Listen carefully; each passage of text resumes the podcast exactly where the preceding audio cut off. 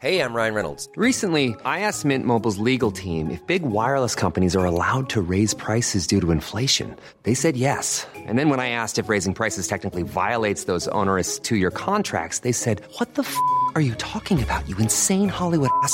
So to recap, we're cutting the price of Mint Unlimited from $30 a month to just $15 a month. Give it a try at mintmobile.com slash switch. $45 upfront for three months plus taxes and fees. Promo rate for new customers for limited time. Unlimited more than 40 gigabytes per month. Slows. Full terms at mintmobile.com. Hiring for your small business? If you're not looking for professionals on LinkedIn, you're looking in the wrong place. That's like looking for your car keys in a fish tank.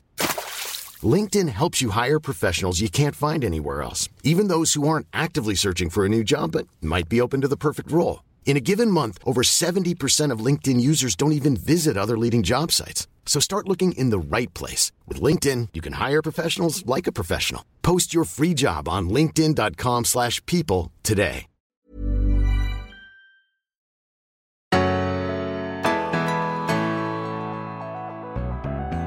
Hej allesammans och varmt välkomna till Berätta alltid det här. Idag har vi med oss en fantastisk gäst, men först ska jag presentera mig själv. Frida Boisen heter jag. Och Tilda Boisen heter jag.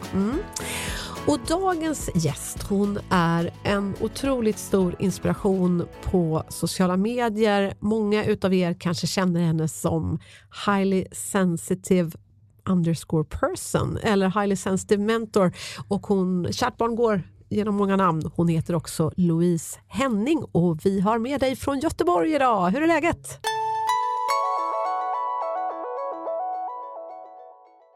Nej, men det är bra. Det är sjukstuga som vi sa, men det är, jag är frisk än så länge så att jag håller tummarna. Ja. Men Louise, berätta för den som inte vet. Vad är man om man är en highly sensitive person?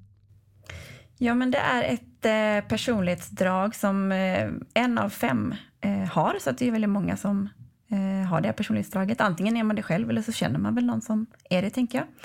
Men det innebär egentligen att man, har, man processar intryck på ett helt annat sätt än vad icke högkänsliga gör. Eh, och ibland brukar jag förklara det som att man har sina känselspröt lite längre ut än andra. Så att man tar in eh, mer och på ett annat nivå, en annan nivå och processar på en helt annan nivå. Så att man blir eh, lite tröttare än andra.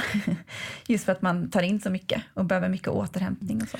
Och eh, vad är den största missuppfattningen om HSP som det också brukar kallas? Ja, men jag tror ändå att det är att man är um, ja, men en person som man inte kan ja, men ta ett skämt eller som inte tål feedback. Eller så, alltså som är väldigt så, man måste tippa på tå kring. Um, och det eh, stämmer inte riktigt, tycker jag. men jag tror att det är många som tror det också. Så att känslig, att vara känslig, ordet känslig överlag är ju negativt laddat eh, som det är. Så att, ehm, ja, men jag tror bara det att man är för skör för samhället, typ. Eh, om man ska hårdra det. Du säger att du ja, men dök ner i det här och som du gör idag har en jättestor Instagram-sida där du tipsar andra och pratar om det. Hur, hur har din resa varit med det här? När insåg du själv att du är en person med HSP? Ja, men, um, det började egentligen med, ja, eftersom att man föds med ett personlighetsdrag så man har ju det liksom, hela livet, så um, har jag ju varit det sen jag var liten men jag förstod det inte förrän jag hamnade i en utmattning. Eh, och då hade jag ju, det här är ju liksom en lång, det är många droppar tills det rann över eh, i utmattningen här liksom. Men eh, ehm, jag insåg det då när jag eh, hade kört slut på mig själv helt och hållet. Jag hade liksom inte, för det första visste jag inte att jag var högkänslig. Jag visste inte vad jag behövde för att må bra och ja men, ja, respekterade inte mig själv och mina behov eh, egentligen. Så att jag eh, gjorde vad alla andra tyckte att man skulle göra och hur ja, men jag betedde mig så som jag tänkte att man skulle vara för att vara en skön person lite.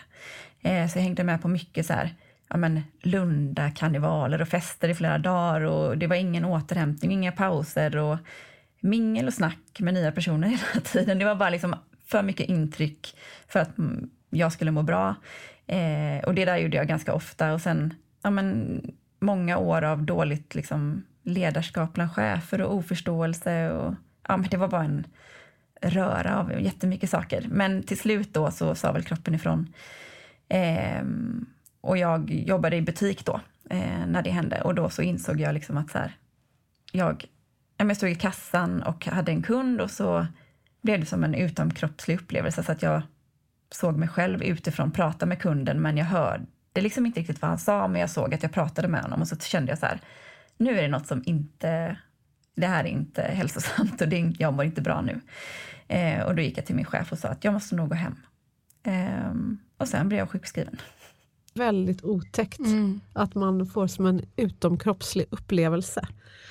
Ja, det var första gången och sista, hoppas jag, som jag upplevde det där. Men det var så konstigt, men jag tror bara att min kropp var så här, nej, men nu, nu räcker det. Och så liksom så här, nu, jag måste, du fattar ju inte när jag varnar de andra gångerna, så att nu, nu får du liksom, du ta i med hårdhandskarna för att du ska förstå. Men då gick du in i det här var tecken på att nu, det var första tecken på att nu är du på väg in i den här utmattningen. Nu, nu signalerade verkligen kroppen med stora mm. signaler. Mm. Från det, då hamnade du i en, oj, förlåt, i en utmattning, du sjukskrev dig, då gissar jag. Och, men sen, hur började det här nystandet i att komma fram till att du är en, en högkänslig person? Ja, men för då hade jag ändå under många, ganska många år jobbat på förskola och jag jobbat på, eller i butik eh, under ganska många år haft väldigt mycket personkontakt. Alltså man är liksom man ansiktet utåt på båda de ställena och liksom tar hand om mångas känslor. Och ofta i butik kom det många stammisar som ville liksom, ja men, eh, nu kan vi inte säga kräkas av sig, men det är ofta att det blir så att de klagar eller det så här, bara tömmer, bara jag har ingen annan att prata med, men nu tar jag dig här. Um, så att jag har haft mycket så, eh, känt vad andra har känt. Och så när jag blev eh, sjukskriven då så var det att jag hann liksom ja, men tänka lite kring det här och insåg att det har ju lite varit den röda tråden i mycket under mitt liv. Att jag har känt saker som jag har insett att är det verkligen min, är det mitt som jag känner? Det känns som att det, det är inte mitt, det är någon annans. Och då googlade jag på något i stil med varför känner jag så mycket eller varför känner jag andras känslor? Och då var det det första som kom upp där. Är du högkänslig, ta det här eh, personlighetsquizet eh, eller det här testet. Och eh, jag kan lova, jag är inte ensam om det här, men jag älskar ju sådana quiz. Så här, vad, vad, är det för häst eller vad är det för djur? Och sådär. Men då kände jag bara, nej men jag gör det här testet och då är det 27 frågor tror jag, 25 eller 27 och jag hade två eller tre ifrån full potta liksom. Så att eh, det var riktigt, eh, då kände jag så här, nej men vad skönt att någon sa, säger vad det är som liksom, hur jag mår och hur jag, hur jag är som person. Eh, så det var egentligen utmattningen som ledde fram till att jag faktiskt gjorde det testet. Annars hade vet jag inte... Alltså jag hade ju tagit reda på det på något sätt, men eh, det hade nog, inte, det hade nog tagit några år till tror jag. Det låter ju både som en, en otrolig tillgång egentligen också att vara så nära andra människors känslor. Mm. Vad är det bästa med att vara högkänslig? För det låter ju samtidigt som en, ja, en förmåga som då inte alla andra har. Vad, vad, är, vad är det bästa mm. med att vara bra på att ta in andra människors känslor? Men jag tror just det är det här med eh, att man är så himla empatisk. Eller för mig i alla fall, jag tror att alla som är högkänsliga har olika syn på vad de tycker är bäst. Men jag tycker väldigt mycket om att vara empatisk just för att man, för mig är det en, eh, är man det så är man också en bra lyssnare och liksom en bra vän. Alltså i relationer är det väldigt viktigt. Eh, så att jag tycker att empatin är en av de största tillgångarna i eh, att vara högkänslig just för att man lyssnar på ett sätt. Man kanske lyssnar lite, man hör det som inte sägs. Mm. Eh, man plockar upp kroppsspråk och ja, men, suck eller ja, man känner lite mer än vad icke högkänsliga gör kanske när man i en konversation till exempel. Eller, ja. Eh, så jag tycker det är ganska jag tycker det är väldigt fint att man kan höra bortom det som sägs. Eh, sen kan man ju inte alltid kanske säga det, för man får välja lite hur man framför det där. Men eh, Nej, jag tycker att det är jättefint att kunna göra det för att det kan öppna upp saker som inte hade kanske pratats om på annars. Ehm, och folk känner sig väldigt eh, hörda. Precis, och om man vänder på steken, då, vad, mm. vad, är det, vad är det jobbigaste och mest utmanande med att vara en högkänslig person? Eh, för mig är det eh, att jag inte riktigt kan sålla ut eh, ja, men, olika intryck under dagarna. Så till exempel om jag åker spårvagn eller buss här i eh, i Göteborg så har jag svårt att stänga av och bara liksom höra mig själv. Jag hör vad liksom familjen längst fram säger och om någon eh, pratar telefon lite längre bak och någon student som sitter där och har liksom stress över någon eh, CSN-faktura. Alltså att man hör liksom, jag hör vad alla säger och plus det vad många känner. Så att eh, det här med att det, blir, det kan bli väldigt mycket av just känslodelen som gör att det är man inte, har man inte på, fyllt på sin egen energi och är på en bra liksom, plats den dagen, alltså jag har rätt eh, balans, så är det svårt att stänga ute det där. Ehm, och det har man ju vissa dagar när det är så att man inte hunnit återhämta sig eller när liksom livet kommer i vägen och då är det lite mer utmanande att handla på vissa tider när det är mycket folk till exempel, då är det nästan att jag behöver gå ut och vänta utanför för att det blir för rörigt eh, för mig. Precis.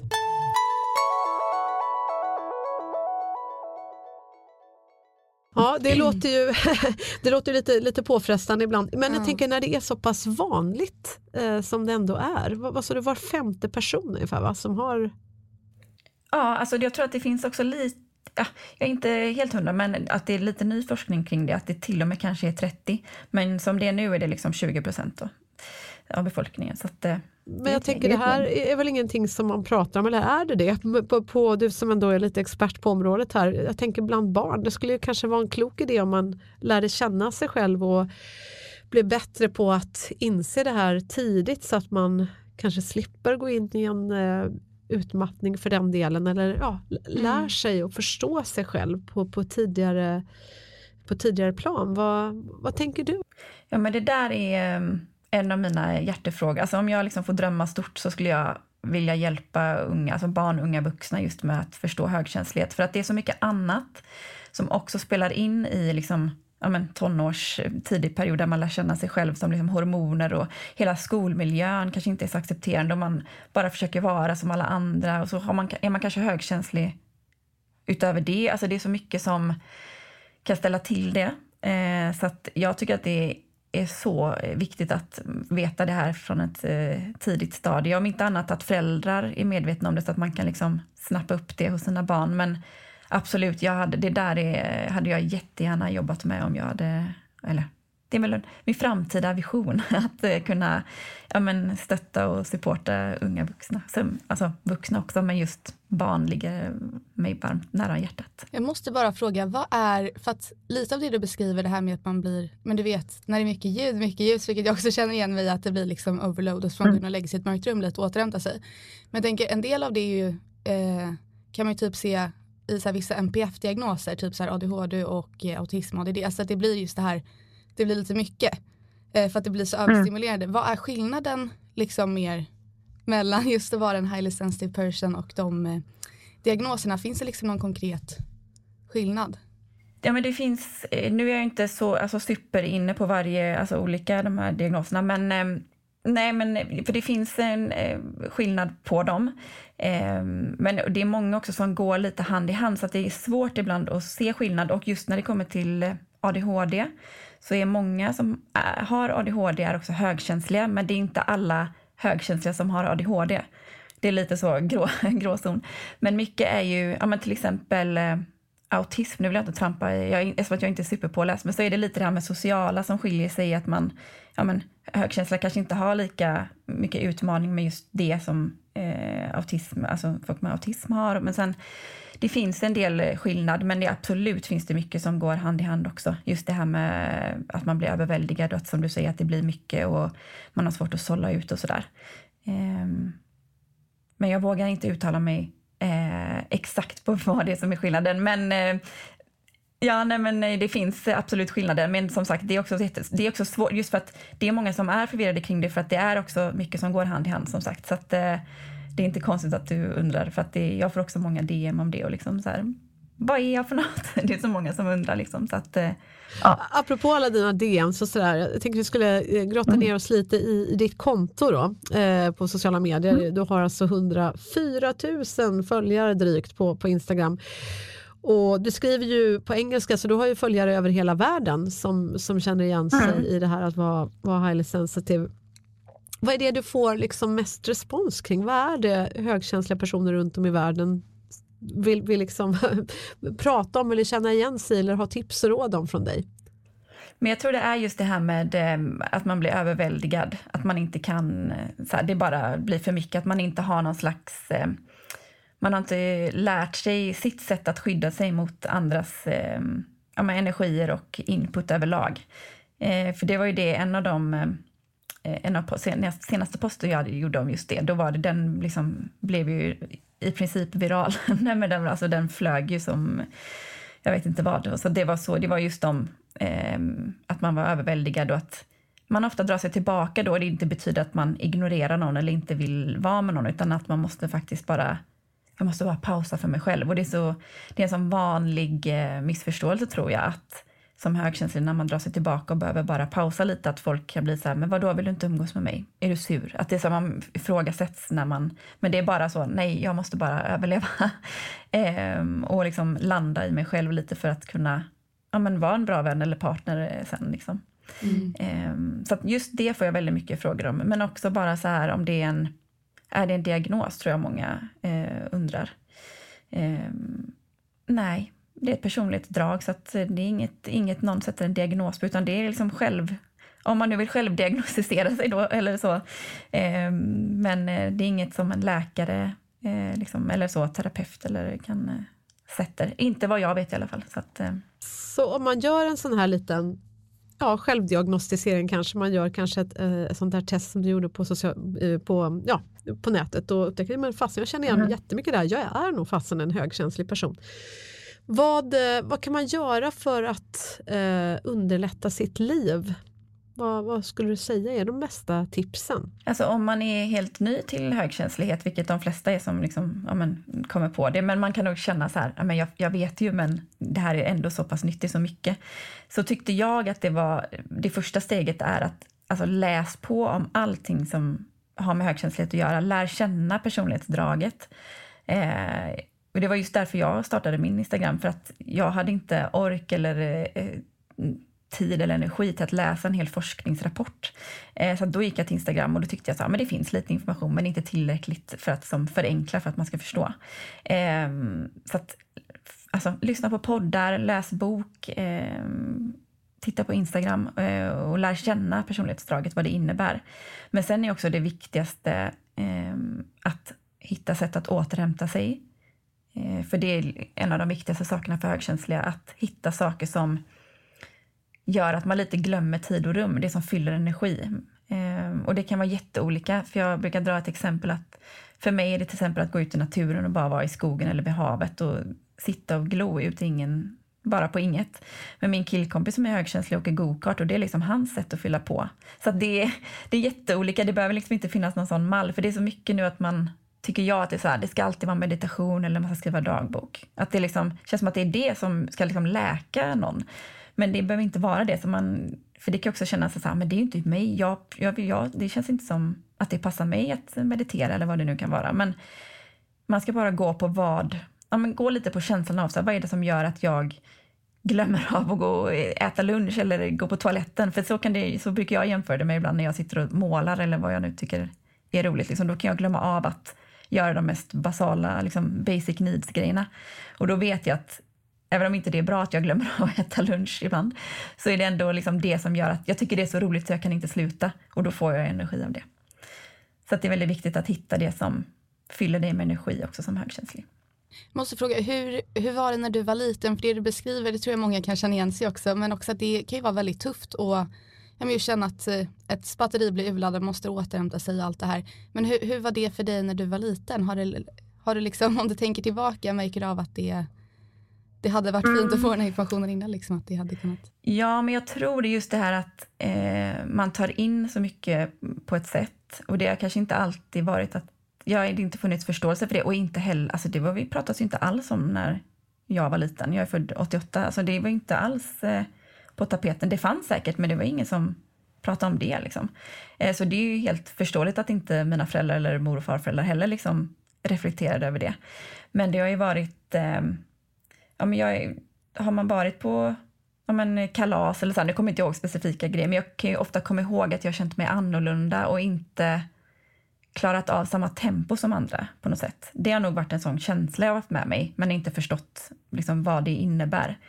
Men sen har jag också varit väldigt eh, eh, sett mycket detaljer och sånt där som oftast högkänsliga gör. Så att jag var ju klassiskt den som på förskolan har jag fått höra i efterhand visste vart eh, liksom, alla strumpor låg, om de, låg, om de var borttappade och sådär så har jag liksom snappat upp det och så.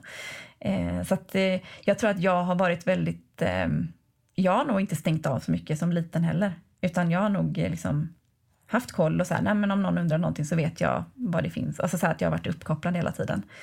Ehm, så att inte att jag kommer ihåg att jag tyckte att det var utmanande, men jag kan nog tänka mig det när jag i efterhand har fått liksom saker berättade för mig hur man har varit och sådär. Så jag tänkte att jo, men det har ju varit förmodligen för att jag har varit högkänslig och inte har ja, men, kunnat haft rätt verktyg eller sådär. Ja, men, ja, känt mycket tror jag.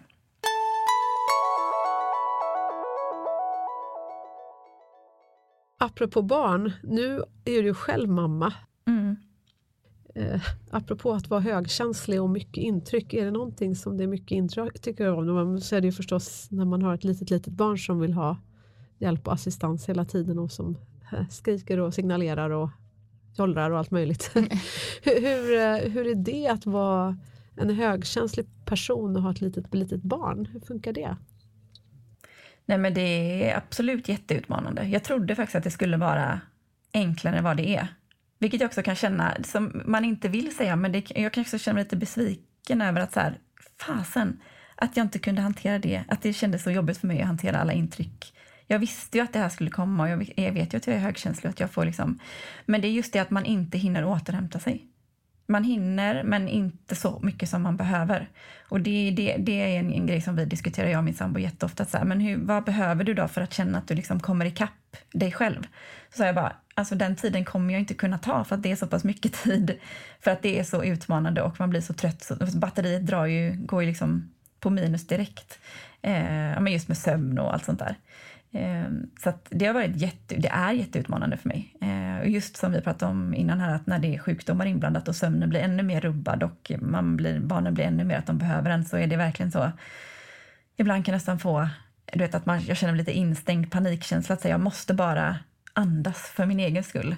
Ehm, så att eh, lika mycket som att det är supermysigt och jättemycket kärlek och man känner mycket och liksom, ja, men känner mycket för kanske vad han känner så är det lika mycket åt andra hållet att man känner verkligen allt han känner och man känner också paniken i när man inte får liksom, ja, men återhämta sig själv och komma ikapp med sig själv. Eh, min sambo är också, han kanske klarar av det här sömnbristen och kan parera det på ett annat sätt för att han har inte alla de andra intrycken att processa och liksom försöka sålla bort. Men eh, det blir ju att man ja, lite simmar med vattenytan här tills man har återhämtat sig och får lite tid för sig själv.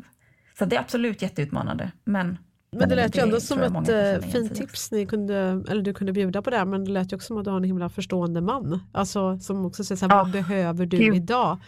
Det är ju en, en fråga ja. vi kanske alla borde ställa oss, mm. högkänsliga eller inte. Vad, vad behöver jag idag för Verkligen. att må bra? Men, men har du något mer tips till eh, närstående till högkänsliga personer? Om man är en ja, förälder eller partner eller eh, vad det nu kan vara som, som lever nära en, en högkänslig person. Hur kan man underlätta för den människan att må bra? Jag tror det är viktigt att gå in i... Ofta kan man tänka då som utomstående att man redan vet hur personen fungerar och är. Jag tror att det är jätteviktigt att gå in lite som ja, men med på ett blankt papper att vilja förstå och faktiskt lyssna eh, och inte lägga ord i mun på eh, någon utan faktiskt... För det, det tycker jag känns så... Eh, nu hittar jag, jag hittar inte ordet, men det känns så ovanligt att faktiskt folk lyssnar på riktigt. Eh, och det tror jag är jätte, jätteviktigt, att här, faktiskt vilja lära sig om personen och vilja kunna hjälpa på bästa sätt.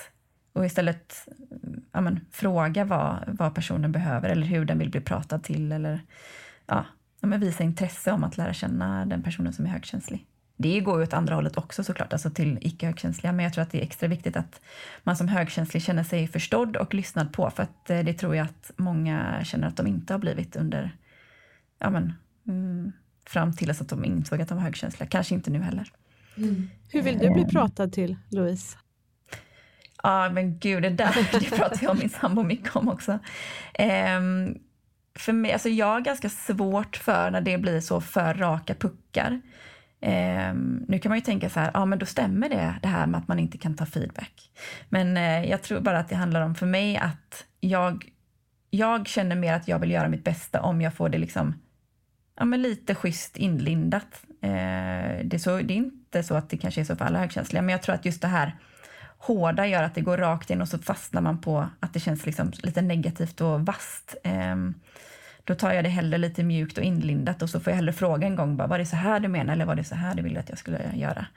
Um, sen tycker jag att det är bra att man är ärlig men vissa personer är ju mer att de kan säga så här, men jag är bara ärlig men så är det ändå taskiga grejer man säger. Uh, det har jag väldigt svårt för. Min mormor hon eh, var väldigt sådär rakt på sak, oerhört harsh. Mm. Liksom. Och hon, eh, hon kom alltid undan med orden, men jag säger bara sanningen. Ja, man bara jo. Men den gör ont just nu, jag orkar inte det. Ja. Tack för ärligheten men eh, jag pallar inte riktigt det just nu. Jag tycker det är fint det du säger, Nej. jag tänker oavsett om man är högkänslig eller inte. Jag, jag, jag tror kanske jag mer än någon slags eh, vanlig människa, eller på att säga, normalkänslig. Vad tror du till som känner mig? Mm. Ja. Du är konstig på andra sätt. Jag är konstig på andra ja. sätt, alla har ju våra konstigheter. Men jag tänker att ja. oavsett vad man är för slags eh, person så, så skulle vi nog egentligen alla må bra av att ge varandra de här eh, instruktionsböckerna som du är inne på nu Louise. Alltså, hur, hur vill du få feedback? Hur mår du bra av, av att få mm, feedback? Mm. Hur mår du bra av att få feedback till det? Hur ska jag säga någon gång mm. när det är någonting jag önskar att du skulle göra på ett annorlunda sätt? Vill, säger jag det på rätt sätt? bara idag? anpassa sig lite efter andra liksom. Ja, ja fråga.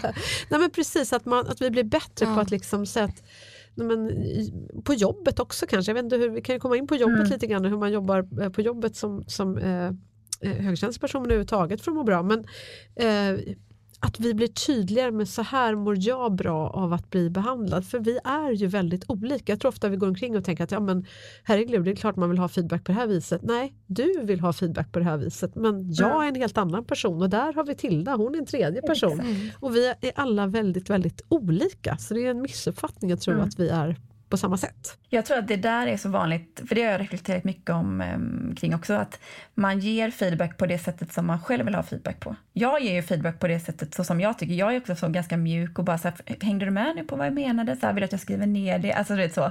Men andra som ger feedback till mig som jag tycker är för hårda i, har jag ju liksom, ja, men, förstått sen att ja, men den personen vill ju bli pratad så till som hon pratar till mig. Alltså hårt och rakt, eller vad det nu är. Liksom. Eh, så det är väldigt lätt att man tänker, ja, men bara gör på det sättet som funkar för en själv åt andra istället för att så här, hmm, just det, den personen fungerar på det här sättet. Undrar om den hade uppskattat mer då att eller så frågar man. Men ibland kan man ju också liksom känna lite hur det skulle kunna vara kanske. Men jag tror att det är jätteviktigt att bara ja, men, inte göra alltid som man, det som passar en själv för andra. Hur ser det ut? Jag tänker du eh, har ju eh, följare som sagt över hela världen. Märker du några kulturella skillnader liksom i inställningar till highly sensitive? Ja, men Sverige ligger väl ändå ganska eh, långt fram i att kunna prata öppet och att inte se ner på högkänslighet. Sen behöver vi absolut fortsätta jobba på det. Men det finns ju andra länder som, om jag har fått DM där det liksom är säger, pratar jag med mina eh, släktingar så kommer jag inte få liksom, då blir jag eh, utfryst från familjen om jag är högkänslig. Eh, så att det finns väldigt mycket, alltså många som inte känner sig trygga alls i att prata om det. Eh, så det är väldigt spridda skurar faktiskt. Men de flesta känner väl ändå att här, man kan prata om det på sociala medier kanske på en, i en trygg zon, ja men typ på min kanal och sådär, kunna bolla och svara på andras kommentarer och så. Men jag tror att det kan vara, det är jätteolika beroende på land och eh, liksom familjekonstellation och hur man hur, de, hur ens familj ser ut och är som personer. Tänker jag mellan könen, jag, jag inbillar mig, det här är bara mina förutfattade meningar, men att det kanske är enklare möjligtvis för en del eh, personer som identifierar sig som tjejer liksom att prata om sådana här saker men, men hur är det för män världen runt att våga berätta om att man är en högkänslig person? Ja, absolut. Det är ju oftast eh, män som har skrivit just de här grejerna. Eh, att de inte kan prata om det. Just för att då de är rädda att eh, ja, men uppfattas som att de är ja, men, eh, homosexuella eller ja, men bara inte, de passar inte in i samhället för att som du, som du säger machokulturen liksom är för så pass stark där. Ehm, och det tycker jag känns så tragiskt att man inte får, ja det är ju, ja att man inte får vara den man är. um, så det där känns jättejobbigt och det, där hjälper, det spelar ingen roll vad jag säger där utan det, de kommer fortfarande känna, känna så. Eftersom att de, det är deras vardag. Liksom. Men eh, det är verkligen, ja, men det, jag vet inte om, nej det har vi inte pratat om, att det är ändå jämnt fördelat 50-50 mellan eh, kvinnor och män eh, högkänslighet. Um, så att det är ju inte, det känns som att eh, männen inte, det är också för att det inte pratas lika mycket om det som sagt, men eh, att det inte är lika många. Men eh, det är det ju. Ja, jädra skit faktiskt. ja, faktiskt. Mm. Jag måste bara fråga, när du väl, om vi går tillbaka lite, hade hamnat i den här utmattningen och du liksom gick hem och sen tog det här testet och insåg att oh, det här stämmer in på mig. Hur, hur hjälptes du av det? Vad hittade du för vägar ut därifrån? Hur du kunde ja, hitta energi och förstå dig själv bättre? Men jag tror egentligen att det varit en väldigt lång väg av bara att jag hjälpt mig själv. För jag gick till en terapeut, eh, så att man får typ tio gånger på vårdcentralen när jag blev utbränd. Som var, alltså, jag vet inte vad jag gjorde där. Det var liksom ingenting som hjälpte mig på något sätt. Eh, känner jag nu efterhand. Och sen har jag också gått hos en annan så, terapeut bara för att liksom prata som var så här, du vet att högkänslighet inte finns. Och då kände jag, okej. Okay. Men då skiter jag i det här lite för att jag orkade liksom inte, hade inte energi att leta upp eh, mer hjälp. Utan jag har bara ja, men läst på och förstått, försökt förstå, på mig, alltså förstå mig på mig själv och för, alltså egentligen bara så här, vad, vad mår jag bra av? Och det har jag bara varit av att så här, prova och trial and error. Liksom. Alltså prova och sen funkar det här. Nej. Och det har tagit jättemånga år. Det är först nu jag känner att jag liksom har eh, kontroll, ska jag inte säga, men liksom för, alltså känner mig själv och vet vad jag mår bra av. Men det har tagit jättelång tid. Och en del i det här har ju varit just min Instagram eh, alltså kanal, att jag liksom delat med mig där. Och jag tror att det var lite så det började egentligen, att jag ville dela med mig för att jag inte kände att jag ville... Jag vågade nog inte prata om det riktigt med någon annan. För jag tänkte, vad är det här egentligen?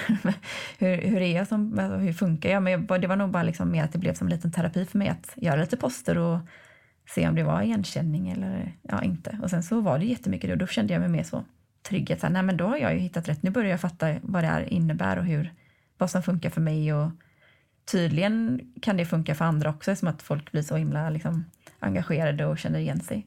Så mm. det var egentligen bara flera år av att bara prova och leta själv.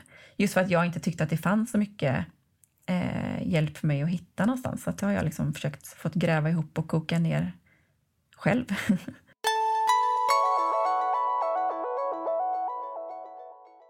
har, har, du några tips till andra förutom ditt Instakonto och andra ställen som man kan hitta ja, men ledtrådar? För det låter ju som att du har fått vara din egen terapeut lite grann. Men för det första har jag läst jättemycket på hsperson.com. Det är Elaine Aron, hon som har liksom myntat uttrycket i hennes hemsida. Så där kan man läsa jättemycket kring det.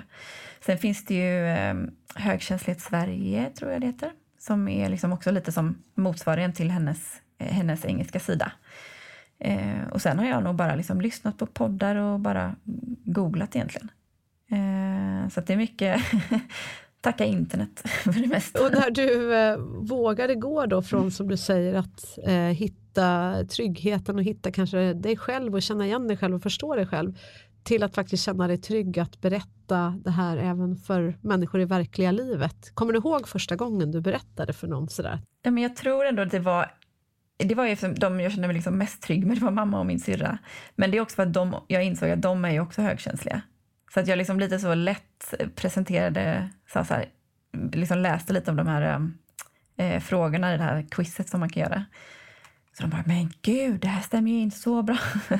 Så bara, ja, men jag är nog också det. Och så började vi prata om det, liksom, för de är väldigt öppna. Vi har en jättebra relation. Så, så det, det var för dem som jag pratade om, eh, om det första gången. Sen så var det inte alltså, meningen, men jag vet inte hur det blev. Men det var en kollega som hittade mitt Instagramkonto. Och då hade inte jag liksom öppet sagt eller liksom delat att det var jag, men det var ändå, jag visade ändå ansiktet och sådär. Så då kom det ut på liksom jobb, jobbplatsen också. Nej men det var väl lite så här, jaha, eller ja, vad innebär det? Och så lite så skeptisk, eh, fast ja, jag vet inte. Det var lite blandade, blandad kompott tror jag. Men jag kände väl lite att så här, nu var det som att någon outade mig innan jag outade mig själv. um, så det var lite så, ja. Man blir lite, jag gillar inte när det blir så överraskning. Jag vill gärna vara lite beredd på grejer och det var jag inte då. Så då blev det nästan att jag blev så, oj, jag återkommer imorgon med svar på det för jag vet inte hur jag ska... Ja, men ehm, sen har jag bara fått, eh, ja men försöka stå på mig och eh, stå upp för mig själv om det har varit grejer som så här, ja men men ska du inte följa med, stanna kvar på AV några timmar till, vi ska gå vidare. Och så har man känt, åh, jag är så tråkig om jag går hem nu. Alltså folk kommer ju tycka att jag är kass om jag inte hänger med på liksom AV och ska hänga med kollegor och lära känna. Men så känner jag bara så här, nej. Alltså nu, innan har jag varit fullt med på det där då. Men eh, känner jag, nej. Då får de tycka det. Jag eh, måste ha min energi kvar imorgon. Och speciellt om man, eh, alltså även om folk som inte har barn, men just när man har barn också, att man måste faktiskt man, har in, man kan, det är en väckarklocka som väcker en samma tid varje morgon så man har inte så mycket att välja på.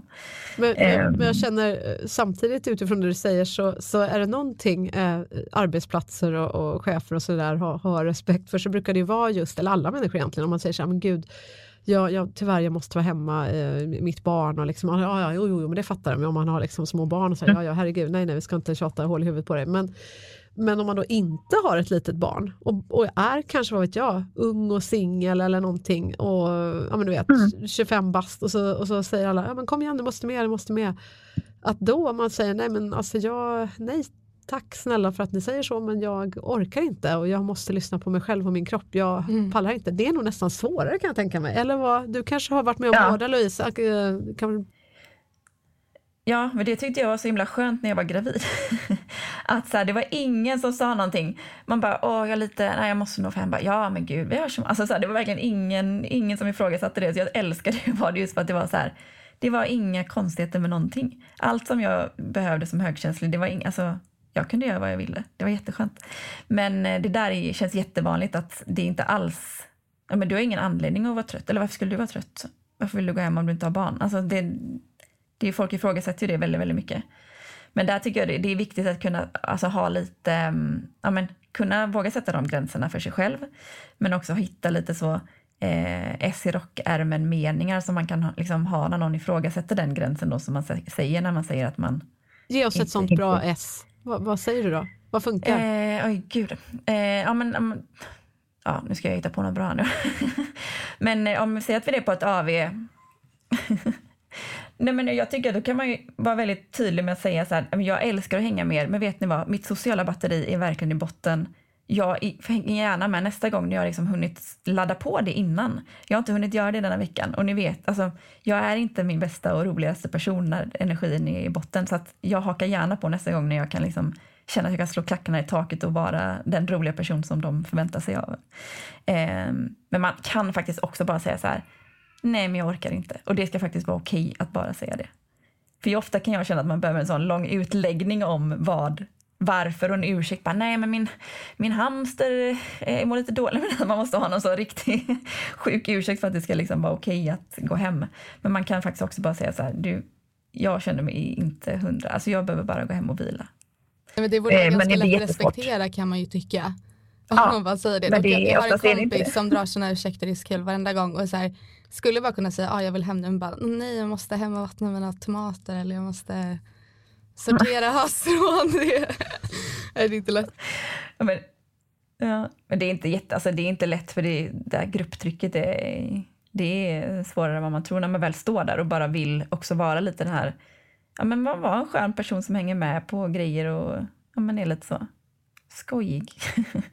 Tack för dem. Jag tycker det där med sociala batteriet var väldigt tydligt. Det tror jag alla, alla är så liksom van vid sina iPhones och ser batteriladdningen, en sån här bild som alla förstår. Nej men batteriet ner på noll, nej men då går det ju inte. Det fattar alla liksom. Nej. Man har ju också jobbat hela dagen, liksom, så varför skulle man inte ha lågt batteri när man har varit liksom, igång en hel dag? Och, ja. ja, men det var en väldigt tydlig bild tycker ja. jag. Och sen så tycker jag, precis som du sa också, att jag orkar inte. Den är också väldigt bra. liksom should mm. be enough. Ja, men det är också så här, de är, ja, förlåt. Jag bara tänkte om Nej. du hade något tips till eh, till arbetsledare Mm. kanske ute runt om på arbetsplatser att säga att eh, jag nu är vår arbetsledare här i vårt team om tre eh, och jag vill ju hitta på någonting roligt här nu men det kanske, hur kan jag bli en bättre arbetsledare för dig Louise? Alltså jag vill fixa något där du också ska känna att du får vara med i gemenskapen. Jag vill göra något där även en högkänslig person känner sig inkluderad och att det känns inte så jäkla utmattande. Det kanske är korkat av mig att föreslå nu när det snart är jul, då ska vi gå ut och köra jättekul julfest. Alla ska dricka massor av alkohol och vi ska köra järnet och vi ska dansa och det ska vara karaoke och disco. Det låter kul. så kul, eller hur? I alla fall men, karaoke. men, vad, men vad skulle du liksom må bra av Louise? Vad, eller, eller andra, kanske högkänsliga. Kan du ge några exempel på alternativa sociala aktiviteter som kanske är lite skönare att hänga på? Ja, men för det första tror jag också att det är viktigt, om man nu vill göra sådana, liksom slå på stora trumman, så tror jag också att det är viktigt att kanske eh, dela upp, alltså säga att man har typ middag, sen kan man gå med på det. Alltså att det finns lite olika delar man kan vara med på. För då kan man också välja då om man tycker att det känns okej att så här, ja men jag följer med på middagen som kanske är lite så lugn och ro, man sitter och liksom, det beror på hur stor arbetsplats man har, det är lite, vi är liksom tio stycken så att det blir ganska intimt. Men då kan jag vara med på det och sen om jag inte vill gå ut och ta bärs och, och liksom dricka bärs och sjunga karaoke så kanske jag inte behöver hänga med på det då. Då kan jag ändå vara med utan att känna att jag är den jätte, alltså inte är med alls. Men eh, det viktiga är alltså, till exempel på restauranger att för mig, alltså, lokaler som är väldigt alltså, högt i tak, där det ekar väldigt mycket och inte är liksom värderat, alltså, det, kommer, det är inte värderat på en restaurang, men att det liksom är eh, väldigt högt i tak och luftigt. Där är det väldigt svårt att urskilja vad folk säger och jag måste koncentrera mig extremt mycket för att höra vad någon säger. Eh, just det som högkänsliga, att de här ljuden som man är känslig mot, det studsar och ekar överallt. Det är som en, man är liksom i centrum av en sån här pingpongmatch liksom, och det är 30 000 folk som spelar samtidigt. Eh, det, men det är liksom, jag tror att det är viktigt att kanske då om man som eh, arbetsledare vill hitta eh, sätt att liksom kanske gå på ställen där det är lite mer så, ja men lite, inte superljust, eh, kanske lite så my, skön belysning och lite, ja men mjukt. Eh, Det tror jag är viktigt. Eh, sen så går det ju såklart inte att eh, anpassa det varje gång, men eh, jag tror mycket eh, är också att man kanske innan, säg att man har julfest, vi ska gå iväg på julfest klockan fyra, att man kanske slutar jobba då klockan tre så att man har typ en timma på sig eller en halvtimme att bara göra det man vill. Kanske att man ja, men som högkänslig då skulle vilja gå undan en stund och ja, men, inte vet jag, titta på en serie eller lyssna på lite musik för att så här, landa innan man går iväg för att ladda på med lite energi. Eh, ja, men just också så här, arbetsplats, typ ett vilorum hade ju varit, det är toppen. Va, vad skulle vara andra bra råd om man inte bara på arbetsfester och sånt utan man bara tänker vanliga arbetsveckor eller dagar? Vad, vad finns det för små saker man kan göra där för att underlätta? Ja, men jag tänker just så här vilorum, om det finns möjlighet till det. Det behöver inte vara så världens mest inredda, utan det kan bara vara så här där man kan stänga in sig lite och vara själv. Eh, det här kanske inte man kan ändra, men öpp, alltså, inte ha öppet kontorslandskap, det är ganska utmanande. Har man det och det inte går att ändra så tycker jag absolut att liksom varje individ skulle få möjligheten i alla fall att få såna här eh, noise cancelling-hörlurar. Eh, som ljud eh, brusreducerande. För då kan man verkligen stänga ut, alltså stänga ut det som kan vara störande. Ja, men att någon kollega sitter och pratar, det måste man göra ibland, och liksom, alltså sitta på sin plats och ha möten och sånt där. Eh, men om det är någon som lyssnar på musik eller du vet, att man kan faktiskt stänga ut utan att ja, men, höra allting hela tiden. Sen, eh, det är också så, alla har väl, hoppas jag, tillgång till friskvårdsbidrag, men att faktiskt som högkänslig använda det. Gå iväg på massage, man behöver inte gå på alltså, gymmet på lunchen för att det kan vara ganska mycket intryck där med och ljud. Men att man liksom, ja, men, går på yoga eller någonting, något som är liksom lugnt och skönt och ge dig ut på lunchen. Och det här, som också är inte så socialt accepterat, att äta lunch själv. Det känns ju inte helt hundra alltid om man så här, nu ska jag äta själv, bara, jaha, är du sur? Nej, jag har bara liksom 0% batteri och behöver, vi pratat hela dagen, jag orkar inte prata på lunchen också. Ehm, att våga prova det som högkänslig. Eh, ja, men äta vid sin plats ibland kanske, man behöver inte göra det varje dag, men att man har någon dag i veckan eller två dagar i veckan man kanske gör det. Och, som jag gör ibland, att jag tittar på någon serie och äter eh, lunch själv. Super, super tack för att du har varit med i Berätta allt det här och vi är så tacksamma och lyckliga att du verkligen berättar för att sprida kunskap och eh, inspirera alla som är högkänsliga och alla som kanske inte är det men som vill lära mer. Verkligen och cred till ditt instakonto. Så Verkligen. fint att du har ja, men, tagit det här och själv känt att men, det måste finnas ännu mer på det här och blivit den personen, den talespersonen på något sätt som skapar en trygg miljö för alla att dela med sig. Verkligen in och kolla in highly sensitive underscore person om ni inte har uh, gjort det redan. Uh, jättefint konto, jag håller med dig till Jag tycker det är super. Det, dels är det så visuellt vackert också. Ja, det är så fina pastellfärger. Ja, man märker ju att du är verkligen ett proffs på att kommunicera. Så det, det är verkligen rogivande tycker jag. Och jag blir sådär lugn faktiskt när jag Mm. eh, ser ditt konto eh, och, och tittar in varje gång. Så det, det får, det får en pulsen går ner på något vis. Det känns väldigt behagligt. Det känns som ett litet safe haven på, på Instagram. Det är fantastisk, eh, fantastiska komplimanger. Tack så jättemycket. Tack eh, snälla Louise Hemning för allt du eh, gör. Du verkligen tillför mycket. Detsamma. Så ta hand om dig och din fantastiska familj så Ja. hoppas vi att vi ses snart igen. Detsamma. Och tack du som har lyssnat Ja, för att du har varit med oss.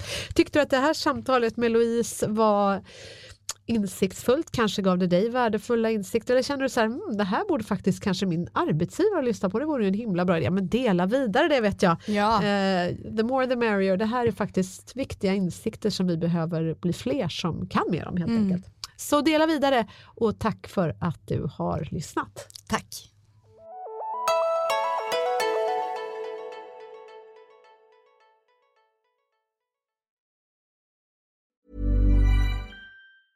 Ever catch yourself eating the same flavorless dinner three days in a row?